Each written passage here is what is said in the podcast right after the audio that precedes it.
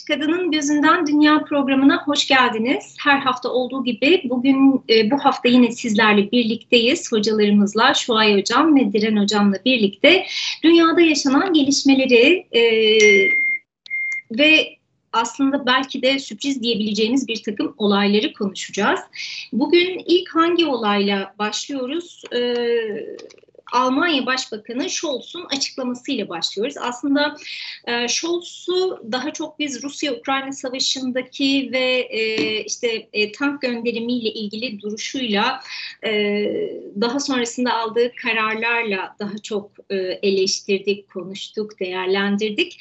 Bu sefer Almanya Başbakanı Scholz'tan Azerbaycan, Almanya ve AB için önemi artan bir ortak açıklaması geldi ve e, Scholz özellikle İsveç ve Finlandiya'nın da yine çok tartıştığımız bir konu NATO'ya katılımını Avrupa'nın güvenliği için çok önemli olarak nitelendirdi. E, şimdi Azerbaycan'ın Almanya ve e, Avrupa'nın enerji tedarikini çeşitlendirmesi e, potansiyeline sahip olması onu tabii ki farklı bir e, noktaya taşıyor ve Scholz da bu anlamda özellikle Özellikle gaz ile petrolün yanı sıra yenilenebilir enerjinin de kullanılması açısından tüm e, Rusya-Ukrayna savaşı sonrasında ortaya çıkan bu enerji krizi ve Almanya ile Rusya'nın o e, yıllarca süren enerji konusundaki bağımlılık, ortaklık ya da işbirliği diyelim. Bunun e, alınan hem önlemler hem de bundan sonrasında Rusya'nın Ukrayna'yı işgaliyle birlikte e, yaptırımlar e, yeni politikalarda çok farklı bir boyuta doğru evrildiğini görüyoruz. Dolayısıyla Almanya'da bu anlamda e, derin bir arayışta yeni işbirlikleri için. Ben hemen Şuay Hocam'la başlamak istiyorum. Şuay Hocam, e, Rusya'nın açtığı savaştaki bu jeopolitik anlamda bir dönüm noktası yaşadık. Dolayısıyla buradan da uzun süreli aslında dünyayı ve e, ülkelerin hem sanayi hem de enerji konusundaki gündemlerini meşgul edecek sonuçlar çıktı. Şimdi Scholz'un Azerbaycan'ın hem Almanya hem de AB için önemi artan bir ortak olarak değerlendirmesini ve bunu enerji e, aslında konusundaki önemini e, bizimle paylaşır mısınız? E, tabii aslında biz bu ekranlarda kadının gözünden dünyada e, Almanya'yı çokça defa konuştuk. Özellikle Ukrayna-Rusya savaşından sonra e, Almanya'nın e, bu savaşın kaybedeni Rusya mı Ukrayna mı tartışmalarının arasında e, çok zorlu bir döneme girdiğini de defaatle dile getirdik. Bu tabii Almanya'nın hem iç politikasına yansıdı hem dış politikasına yansıdı. Ama Almanya açısından e, bu olumsuzluk bana sorarsanız bazı imkan ve e, avantajlar yarattığını da görmek lazım. E, nitekim e, Sayın Aliyev'le e, Scholz'un görüşmesi daha önce e, geçtiğimiz aylar içerisinde Scholz'un e, Çin'e gitmesi ve bunun ötesinde de e, geleneksel Alman dış politikasının ötesine çıkıp biraz daha e, pragmatik ve elbette asli sorun olan birinci sıradaki enerji sorununun çözümü için e, alternatifler ararken Alman dış politikasının da eksenini genişlettiğini düşünüyorum ben. Scholz'un e, açıklamalarını da bu bağlamda okumak lazım. Çünkü e, başta özellikle Azerbaycan'la olan yakın ilişkilerin enerji kaynaklı e, ilk aşamada geliştirildiğini söylemek mümkün ama e, aslında Avrupa'nın e, başta Almanya olmak üzere Avrupa'nın Avrupa Birliği'nin e, Kafkas bölgesine bakış açısına baktığımız zaman 90'lardan bugüne kadarki süreçte aslında ağırlıklı olarak enerji politikaları ve daha pragmatik yaklaşımlar olduğunu görüyoruz biz. Nitekim e, bundan önce e, 90'larda Ermenistan'ın e, Dağlık Karabağ işgal ettiğinde ve sonrasında ortaya konan barış süreçlerinde Avrupa Birliği'nin daha doğrusu Fransa'nın öne çektiği önünü e, başını çektiği grubun e, biraz daha Ermeni yanlısı tutumu da uzun yıllar Kafkasya bölgesine e, Avrupa'nın, Avrupa Birliği'nin, Almanya'nın ve diğer ülkelerinde sorunlu bir e, ilişki içerisinde olmasına neden oldu. Tabii Dağlık Karabağ zaferi e, sonrası ve bölgenin son hızla Azerbaycan'ın büyük çabalarıyla kalkınmasıyla beraber de e, ilişkinin siyasi boyutunun geliştiğini de söylemek lazım. Ki bu siyasi boyutunun içinde sizin söylediğiniz önemli bir nokta var Ece Hocam. O da yenilenebilir enerji noktası. Şimdi yenilenebilir enerji konusu özellikle yeşil enerji e, Azerbaycan açısından çok kritik. Çünkü Şuşa bölgesi bu e, bağlamda da merkez noktalardan birisi olacak gelecek yıllarda. Şuşa'dan özellikle e, rüzgar enerjisi başta olmak üzere birçok sürdürülebilir enerji, yenilenebilir enerji açısından da Azerbaycan'ı dünyanın önemli ülkelerinden e, birisi haline getirecek çok yoğun çalışmalar yürütülüyor. Şimdi e, böyle bir avantaja sahip olması Azerbaycan'a yani klasik enerji e, konusundaki e, zaten gücü ve dünyadaki rolünün öneminin yanı sıra bir de özellikle yeşil enerji noktasında da önemli atılımlar yapması Avrupa Birliği'nin de enerji alternatifi konusunda Azerbaycan'la e, belki çok daha yakın ve sıkı ilişkiler geliştirmesini aslında sağladı. Biz bunun en önemli adımlarını e, geçtiğimiz yaz içerisinde Brüksel'deki e, zirvede gördük. Orada yine e, Başkan Aliyev'le özellikle von der Leyen ve Charles Michel'in de e, enerji başta olmak üzere tüm ikili alanlarda yeni işbirlikleri konusunda e, önemli bir anlaşmaya imza attılar. Tabii e, bunu hem ikili ilişkiler Almanya-Azerbaycan boyutunda hem de e, çok taraflı e, bir bağlamda Avrupa Birliği Azerbaycan boyutunda da okumak lazım. E, ben şöyle düşünüyorum Almanya e, bu süreç içerisinde geçtiğimiz bir sene boyunca savaşın başladığından bugüne kadar e, enerji konusunda çok ciddi zorluklar çekti ve bu süreç hala kısmi olarak da devam ediyor. Ama bu zorluklar e, belki Almanya iç siyaseti bağlamında da e, dış politikada e, biraz önce söylediğim alan genişlemesine sahip olmasını sağladı. Tabii bu ilişkiler ne kadar sağlıklı sürdürülebilir, ne kadar e, etkili olacak bunu biraz daha e, zaman içerisinde göreceğiz. Çünkü e, 14 Mart'ta yaptıkları basın toplantısına baktığımızda da iki liderin e, orada özellikle Almanya'nın Dağlık Karabağ Azerbaycan'ın bir parçası olarak tanımak noktasındaki tutumunu e, Başkan Aliyev eleştirdi. Burada da Scholz biraz e, kaçamak cevap verdi aslında. E, herhangi bir beyanda bulunmadıklarını söyledi. Dolayısıyla e, artık yeni dönemde orta ve uzun vadede e, eğer Almanya'da e, bu bölgeyle özellikle Can Azerbaycan'la iyi ilişkiler geliştirmek istiyorsa e, hiç şüphesiz e, daha somut, daha görünür siyasi adımlar atması lazım. E, bu noktada da tabii ki e, şunu söylemek lazım. Bugün de e, Ankara'da önemli bir toplantı var. Türkiye'nin rolü de kritik. Kritik çünkü hem Türk Devletleri Teşkilatı bağlamında e, hem de Türkiye'nin enerji e, noktasındaki kendini konumlandırması nedeniyle. O yüzden gelecek günlerde e, ben daha yakın e, Kafkas bölgesine ilgisi olan bir Almanya göreceğimizi düşünüyorum ki e, Almanya'nın çok çok biraz daha geri e, tarihine baktığımızda aslında Almanlar bu bölgeyle e, yakın ilişkiler kurmayı başarmış. Bunu da e, hem Osmanlı hem de Türkiye üzerinden e, kurma noktasında da e, önemli politikalar geliştirmiş bir ülke. Ama e, öyle görünüyor ki e, yeşil enerji e, de önemli başlıklar arasında konuşulacak. Evet hocam e, gerçekten çok e, önemli gelişmelerin olduğu bir dönemden geçiyoruz. Muhtemelen yeni ilgi alanları, yeni anlaşmalar tüm bu ihtiyaçlar doğrultusunda yeniden karşımıza çıkacak. Şimdi ben bu konuyla alakalı Diren hocama söz vermeden önce birkaç haber, e, aslında birkaç bilgi daha paylaşmak istiyorum. Hem de birazcık daha zenginleştirmiş oluruz belki haberi. E, özellikle e, Aliyev'in yaptığı açıklama önemliydi.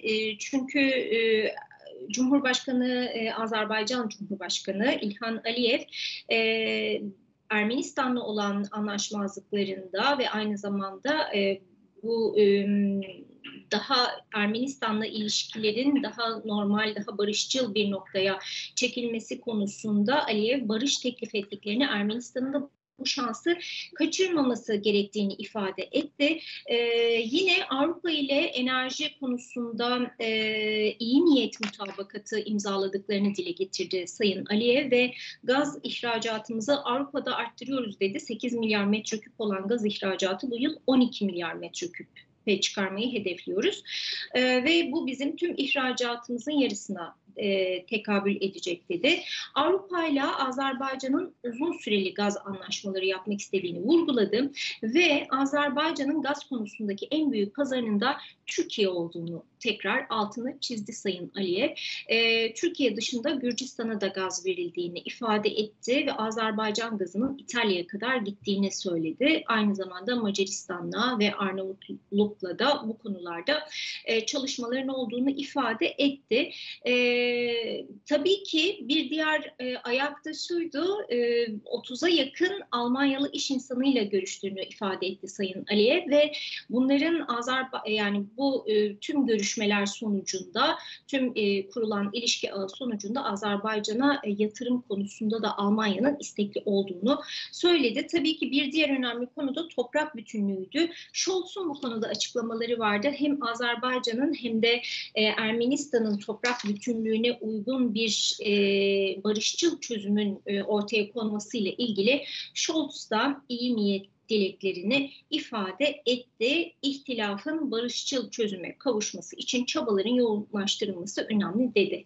Şimdi tüm bu bilgilerle birlikte Scholz'un açıklaması ve aslında Şuay Hocam'ın da ifade ettiği gibi e, dünyada e, yeni ihtiyaçlar, yeni anlaşmalar, yeni ilgi alanları bütün bunlar e, Azerbaycan'ın e, Almanya ve AB için artan e, önemi artan bir ortak haline gelmesi ne gibi sonuçlar doğru ve Türkiye bu bu noktada Türkiye'nin e, alacağı roller e, Türkiye nasıl etkilenir bu konudan? Bu e, aslında belki de anlaşmalardan. Onu size sorayım Diren Hocam. Ee, hocam aslında Azerbaycan için orada yaşayanların da bildiği bir tabir daha vardır bir sıfatta. Otlar yurdu denir. Ot da aslında o ateşi tabir ediyor. Yani Azerbaycan'ın o enerji kartı e, kendi elinde kullanabildiği en güçlü kartlardan biri. Ve özellikle de Ukrayna Savaşı ile birlikte e, bu kart e, Azerbaycan'a ekstradan bir güç veriyor. Ee, diğer taraftan Aliyev'in Berlin ziyareti marjında gerçekleştirilen bu görüşmelerin tamamı aslında yine de Almanya'nın Azerbaycan ve Ermenistan uyuşmazlığında e, ikircikli oynadığını gözler önüne sermiş oluyor. Yani net olarak sadece biz toprak bütünlüğüne katkı sağlamak istiyoruz. Buna saygı duyuyoruz. Yani şu hocam da belirttiği gibi konunun etrafından dönülüyor ancak konunun merkezine hiçbir şekilde temas edilmiyor. E, lakin özellikle de Almanya'nın e, ciddi anlamda bir enerji ihtiyacı var.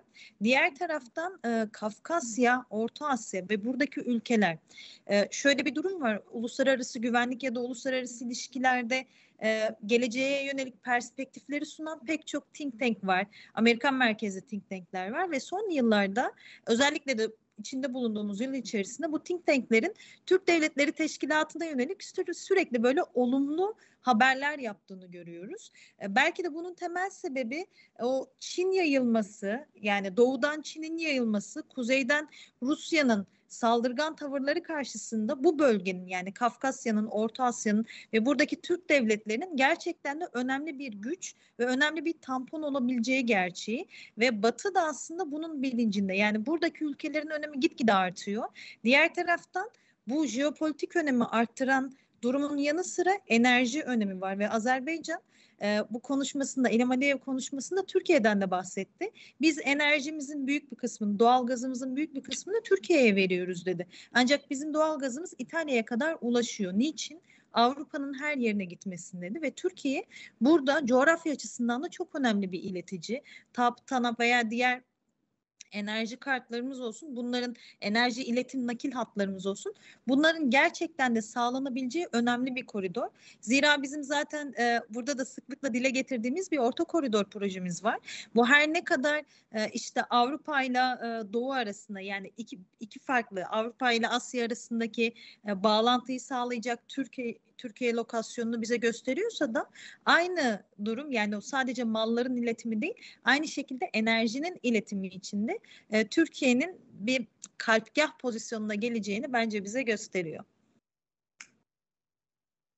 Teşekkürler hocam. Ee, değerli bilgileri paylaştınız bizimle. Şimdi başka bir konuya geçmek istiyorum. Ee, çokça konuştuğumuz konulardan biri. Ne olacağıyla ilgili de aslında belki de bugün ve yarın gerçekleşecek olan görüşmeler ışık tutacaktır diye düşünüyorum. Ee, İsveç ve Finlandiya'nın NATO'ya üyeliğinde aslında gelinen son nokta Finlandiya'nın e, İsveç'ten ayrı aşamalarda NATO'ya üyeliğinin söz konusu olabileceğiyle ilgili. Bu konuyla alakalı olarak çok kesin ve çok keskin aslında ifadeler kullanmaktan e, kaçınıyoruz biraz. Neden? Çünkü e, bir e, mutab e, bir mutabakat var yani bir üçlü muhtıra var ve burada konulan şerhler ve gerçekleştirilmesi beklenen bir takım adımlar var.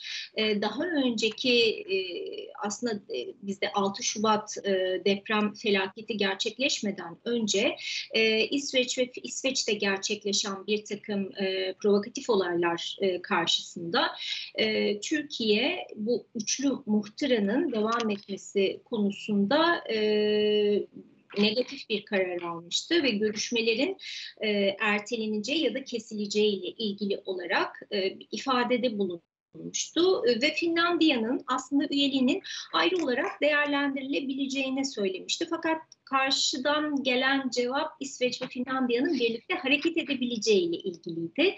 Şimdi e, yeniden bir e, açıklama geldi. E, İsveç Başbakanı Finlandiya ile farklı aşamalarda NATO üyeliğinin e, gerçekleşebileceğini söyledi. Şimdi iki tane önemli sorun var bu konuyla ilgili.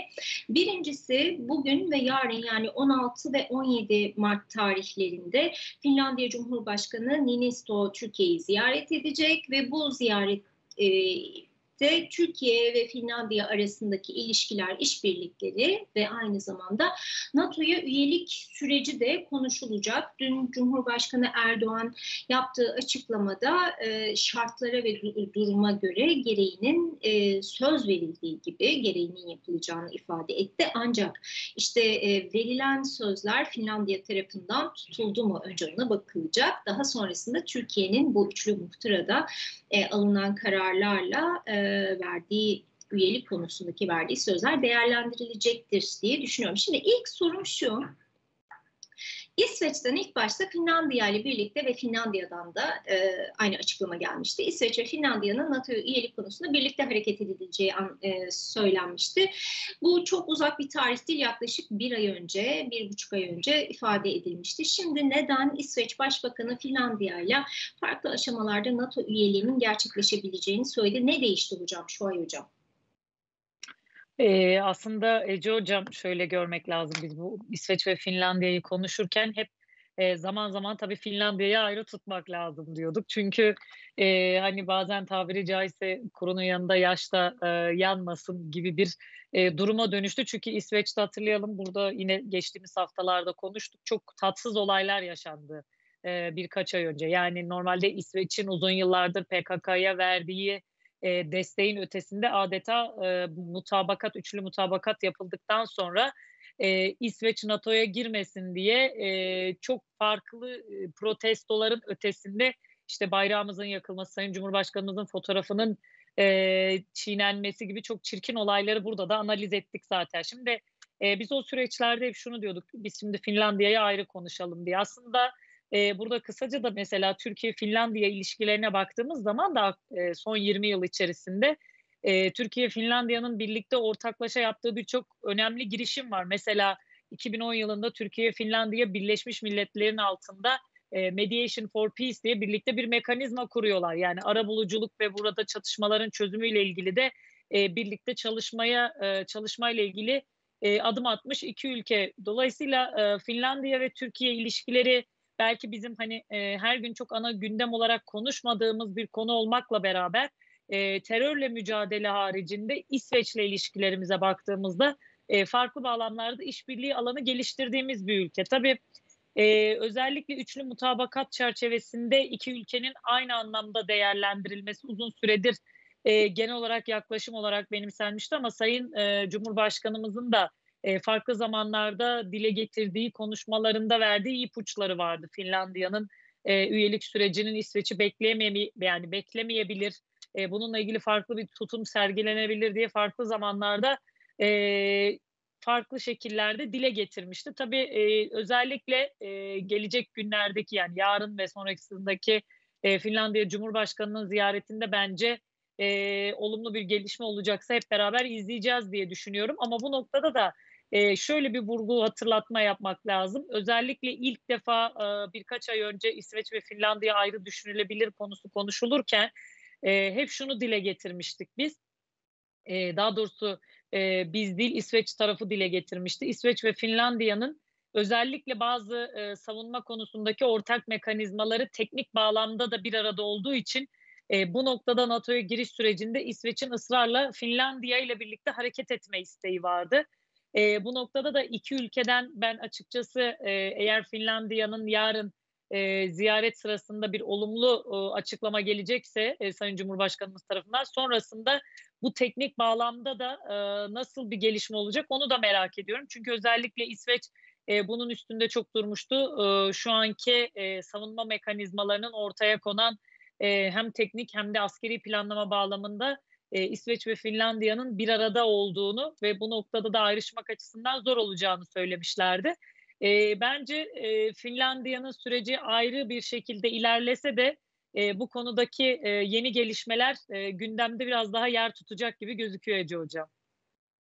Teşekkürler hocam. Gerçekten e, bizim de e, dikkatle izlediğimiz ve takip ettiğimiz bir konu. Neden e, hem İsveç ve Finlandiya'nın NATO üyeliği çok önemli hem de e, tabii ki Finlandiya'nın ayrı bir güvenlik endişesi var Rusya ile olan sınırı konusu durumu itibariyle.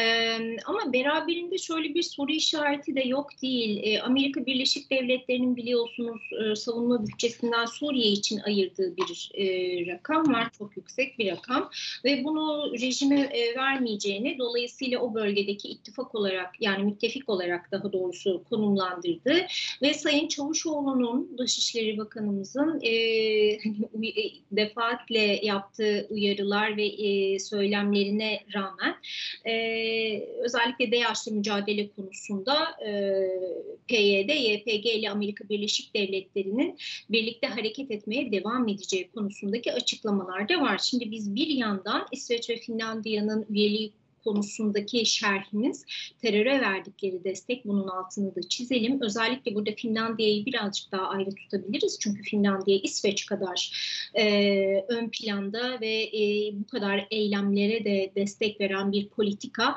izlemiyor. E, daha e, Türkiye'nin güvenlik endişelerini dikkate alarak politika izlediğini söyleyebiliriz. Ancak diğer taraftan baktığımızda e, İsveç ve Finlandiya'nın üyeliği konusunda Türkiye gerekli e, belki şerhlerle birlikte bundan sonraki süreçte Amerika Birleşik Devletleri'nin NATO içerisinde Türkiye'nin müttefiki olan bir devlet olarak ısrarla teröre verdiği bu desteği yani e, Türkiye'nin güvenlik endişelerini anladığını ancak e, bir noktada da aslında hiçe saydığını gösteren bu eylemleriyle birlikte İsveç ve Finlandiya'nın da üye olduktan sonra acaba tavırları değişebilir mi? Bu bir tehdit oluşturabilir mi? Aslında buna karşı belki de bu üyelik süreci gerçekleşmeden önce Türkiye koyduğu şerhler ve bundan sonra atılacak adımlarla ilgili elinde önemli bir fırsata sahip mi? Bunu nasıl değerlendirmeli gibi e, bir soruyla geliyorum size Diren Hocam.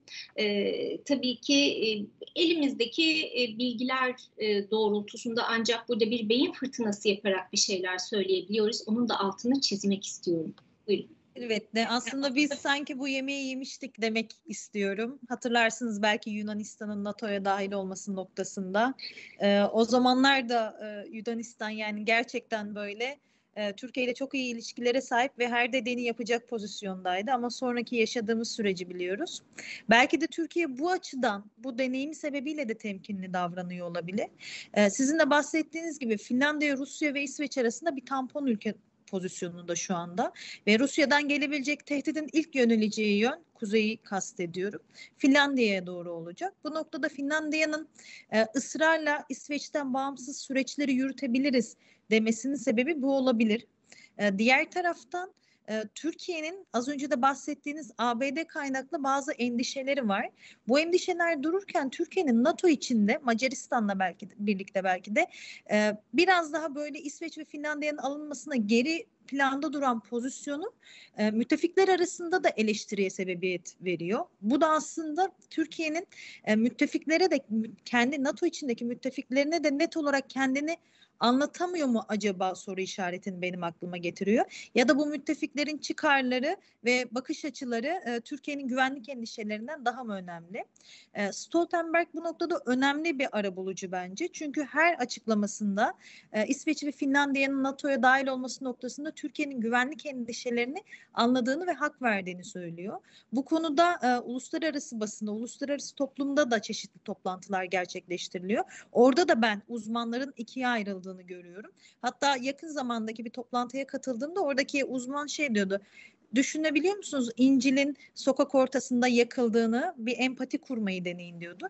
Yani Türkiye'nin gösterdiği refleksleri e, NATO içindeki müttefik ülkelerinde bir şekilde empati kurarak yaklaşması lazım. Sadece burada ülke liderlerinden bahsetmiyorum elbette. Toplumları da kastediyorum. İlerleyen süreçte ben bu arada geçen hafta e, terörle mücadele yasa tasarısının İsveç'te e, onaylanacağını, onaylan, onaylanmayacağını konuşmuştuk. Öyle de bir süreç işliyor aslında diğer taraftan. Yani İsveç'in bir NATO'ya alınması kendi e, mücadelesine ve kendi çabasına bağlı bir bakımda. Ama Finlandiya noktasında e, Cumhurbaşkanımızın da belirttiği gibi e, her şey yolunda giderse niçin dahil olmasın? Doğru.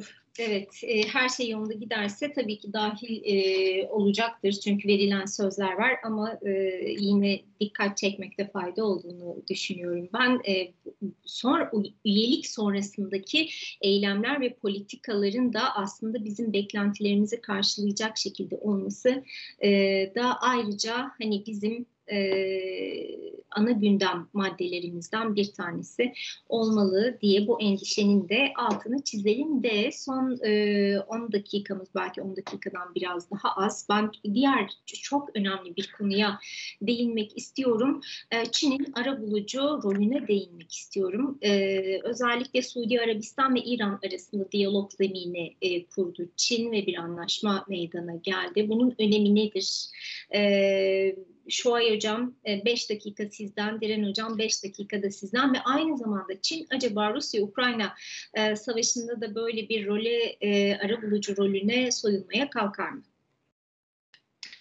E, teşekkürler Ece Hocam. Tabii e, aslında e, dünyada çok farklı gündemler olduğu için e, çok fazla konuşulmadı belki ülkemizde ama Çin'in arabuluculuğu bence de e, çok kritik bir e, hamleydi. E, iki boyutta görüyorum ben bunu. Dün de e, Çin'deki e, yüksek lisans ve doktor öğrencilerine bir konferans verdim. Onlar da bu soruyu sordular. Türkiye Çin'in arabuluculuğunu nasıl buluyor dediler.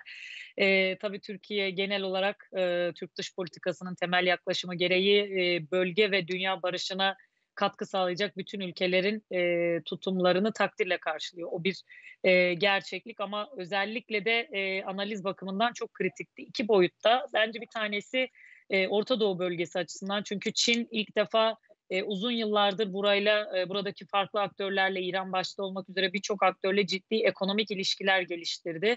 E, belki hatta biraz da tabiri caizse sessiz sessiz geliştirdi bu ilişkileri ama e, Orta Doğu bölgesinde siyasi olarak varlığını ilk defa bu kadar açık ve somut bir şekilde hissettirdiği bir e, hamle geldi Çin'den. 2021 yılında aslında bu arabuluculukla ilgili Çin'in e, politikaları e, kamuoyuyla paylaşılmıştı.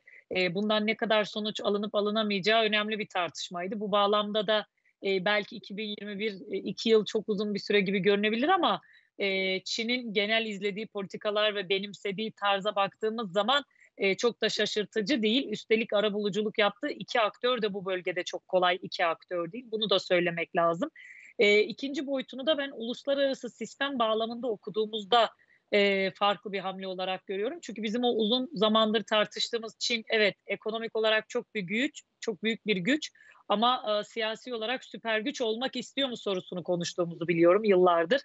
E, bu hamlesiyle de ben Çin'in şöyle görüyorum ki tam da e, Jinping'in yeniden e, başkan seçildiği, burada Amerika'ya karşı sert açıklamaların yapıldığı e, görüntülerim hemen e, bir ya da iki gün sonrasında arabuluculukla ilgili bir sonuç ortaya kondu.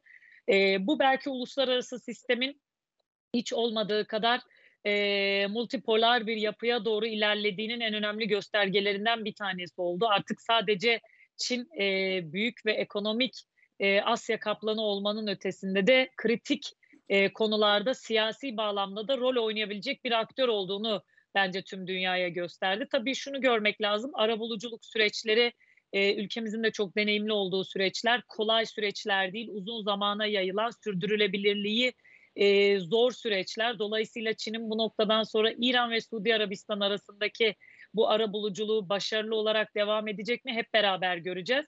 Ama e, cevap ne olursa olsun e, Çin dış politikası için hiç şüphesiz yeni bir açılım. Ama aynı zamanda da e, Amerika'ya da e, siyasi bir mesaj vermek açısından da e, büyük bir olay. Şunu da söylemek lazım belki son söz süremi etkili kullanmak açısından. Ee, özellikle son dönemlerdeki e, Çin'deki e, açıklamalar ve bu bağlamda Amerika ile ortaya konan karşılıklı tansiyonu yükselten ifadeleri e, biz hep Tayvan ve Asya Pasifik bölgesinde görüyorduk. Orta Doğu bölgesi bunun için yeni bir alan olur mu? Bilmiyorum o konuda e, çok iddialı değilim ben kendi görüşüm açısından. Ama e, bu noktadan sonra Çin artık Orta Doğu, Afrika ve birçok çatışma bölgesinde de ara bulucu rolü üstlenebileceğini e, göstermiş oldu. Teşekkürler. Teşekkürler hocam. Diren hocam hemen sözü size veriyorum. Tabii ki ne hocam aslında bu süreçlerin tamamı e, Çin'in Aralık ayındaki Orta Doğu açılımıyla başlamıştı. O zaman e, Suudi Arabistan tarafından çok şaşalı bir şekilde Xi Jinping karşılanmıştı e, ve orada Körfez İşbirliği Konseyi ile işte diğer ülkelerle ikili görüşmeler ve toplu görüşmeler gerçekleştirdi Xi Jinping. Ancak Körfez İşbirliği Konseyi'nin final raporunda İran'ı rahatsız edecek bazı ifadeler vardı ve İran'da bunu e, hatta İran'ın Dışişleri Bakanı'ydı sanırım yanlış hatırlamıyorsam sosyal medya üzerinden hani Çinli dostlarımız bizim samimiyetimize emin olsun diye başlayan bir ifadesiyle belirtmişti ben o zaman bu o, yorumları okuduğumda şöyle düşünmüştüm. Bu Çin için gerçekten büyük bir sınav. Yani Suudi Arabistan gibi e, en önemli petrol tedariği aldığı en önemli e, bir ülke. Ciddi anlamda önem verdiği bir ülke ve diğer taraftan İran, Rusya, Çin dediğimiz o üçlü gruptaki İran'dan bahsediyoruz. Ve e, Çin'in küresel güvenlik girişimi ilan edilmişti. Çin aslında bütün bu İran ve Suudi Arabistan arasındaki o üçgen masa diplomasisini bu küresel güvenlik girişiminin zirvesine oturtuyor ve bu girişim çerçevesinde bu uzlaşmanın sağlandığını belirtiyor. Çok enteresan hamleler çünkü e, Avrupa, Avrupa ve Amerika bir taraftan Çin tehdidinden bahsederken Latin Amerika'da, Afrika'da, Orta Doğu'da Çin'in artan nüfuzu ve artan etkisi var ve bu etki saldırgan ya da e, hegemonik bir etki olarak değil, daha uzlaşmacı, daha arabulucu ya da daha ekonomik olarak kalkındırıcı bir etki olarak görülüyor ve hoş karşılanıyor. Bence bu e, Batı için önemli bir soru işareti ve çeldirici. Siz Şioy Hocam'a ilk soruyu iletirken e, Çin, e, Rusya ve Ukrayna arasında arabulucu olur mu, olmak ister mi demiştiniz. Aslında Çin bunun adımını defalarca kez attı. Ancak bir bakıma onlar Türkiye'yi tercih ettiler. Ee, içinde bulunduğumuz haftada daha doğrusu gelecek hafta Xi Jinping Putin'le görüşecek. Ardından da Zelenski ile bir görüşme gerçekleştirecek ve tekrardan arabuluculuk çalışmalarını başlatmak için bir adım atacak. Ee, Türkiye kadar başarılı olur mu bilmiyorum ama hani şahsi bir yorumum ya da analizim ben Çin'in son yıllardaki o dış politik adımlarıyla arabuluculuk olsun, yaklaşım tarzı olsun Türkiye'nin attığı adımları böyle birbirine biraz benzetiyorum. Bu süreçte de hem Orta Doğu'da yürüttüğü strateji kapsamında hem e, Ukrayna ve Rusya savaşı kapsamında sürekli olarak işte uluslararası hukuka bağlı olunması ancak diyalog kapısının kapatılmamasından bahsediyordu. E, ilerleyen süreçte de bence aynı softlukta politikalar yürütecektir. Çok teşekkürler hocam. Ee, biz süremizin sonuna geldik. Ee, önemli bir konu daha vardı. Onu konuşamadık. Belki önümüzdeki hafta konuşuruz. Ee, Navalny'nin belgeselinin e, Oscar töreninde ödül almasıydı. E, ve belgeselde Putin'in de hedef olarak gösterilmesiydi. Sanırım ona önümüzdeki hafta daha detaylı olarak yer verir. Belki de birazcık film endüstrisinin etkisinden başkanlar döneminde Oscar ödüllerini hangi filmler alıyor, neye göre değişiyor. Bütün bunların hepsini belki biraz da analiz edebileceğimiz bir fırsatımız olur. Bir Kadının Gözünden Dünya programının daha sonuna geldik. Ben Şuay hocama ve Diren hocama katkılarından dolayı çok teşekkür ediyorum. Bu haftalık bizden bu kadar. Önümüzdeki hafta görüşmek dileğiyle.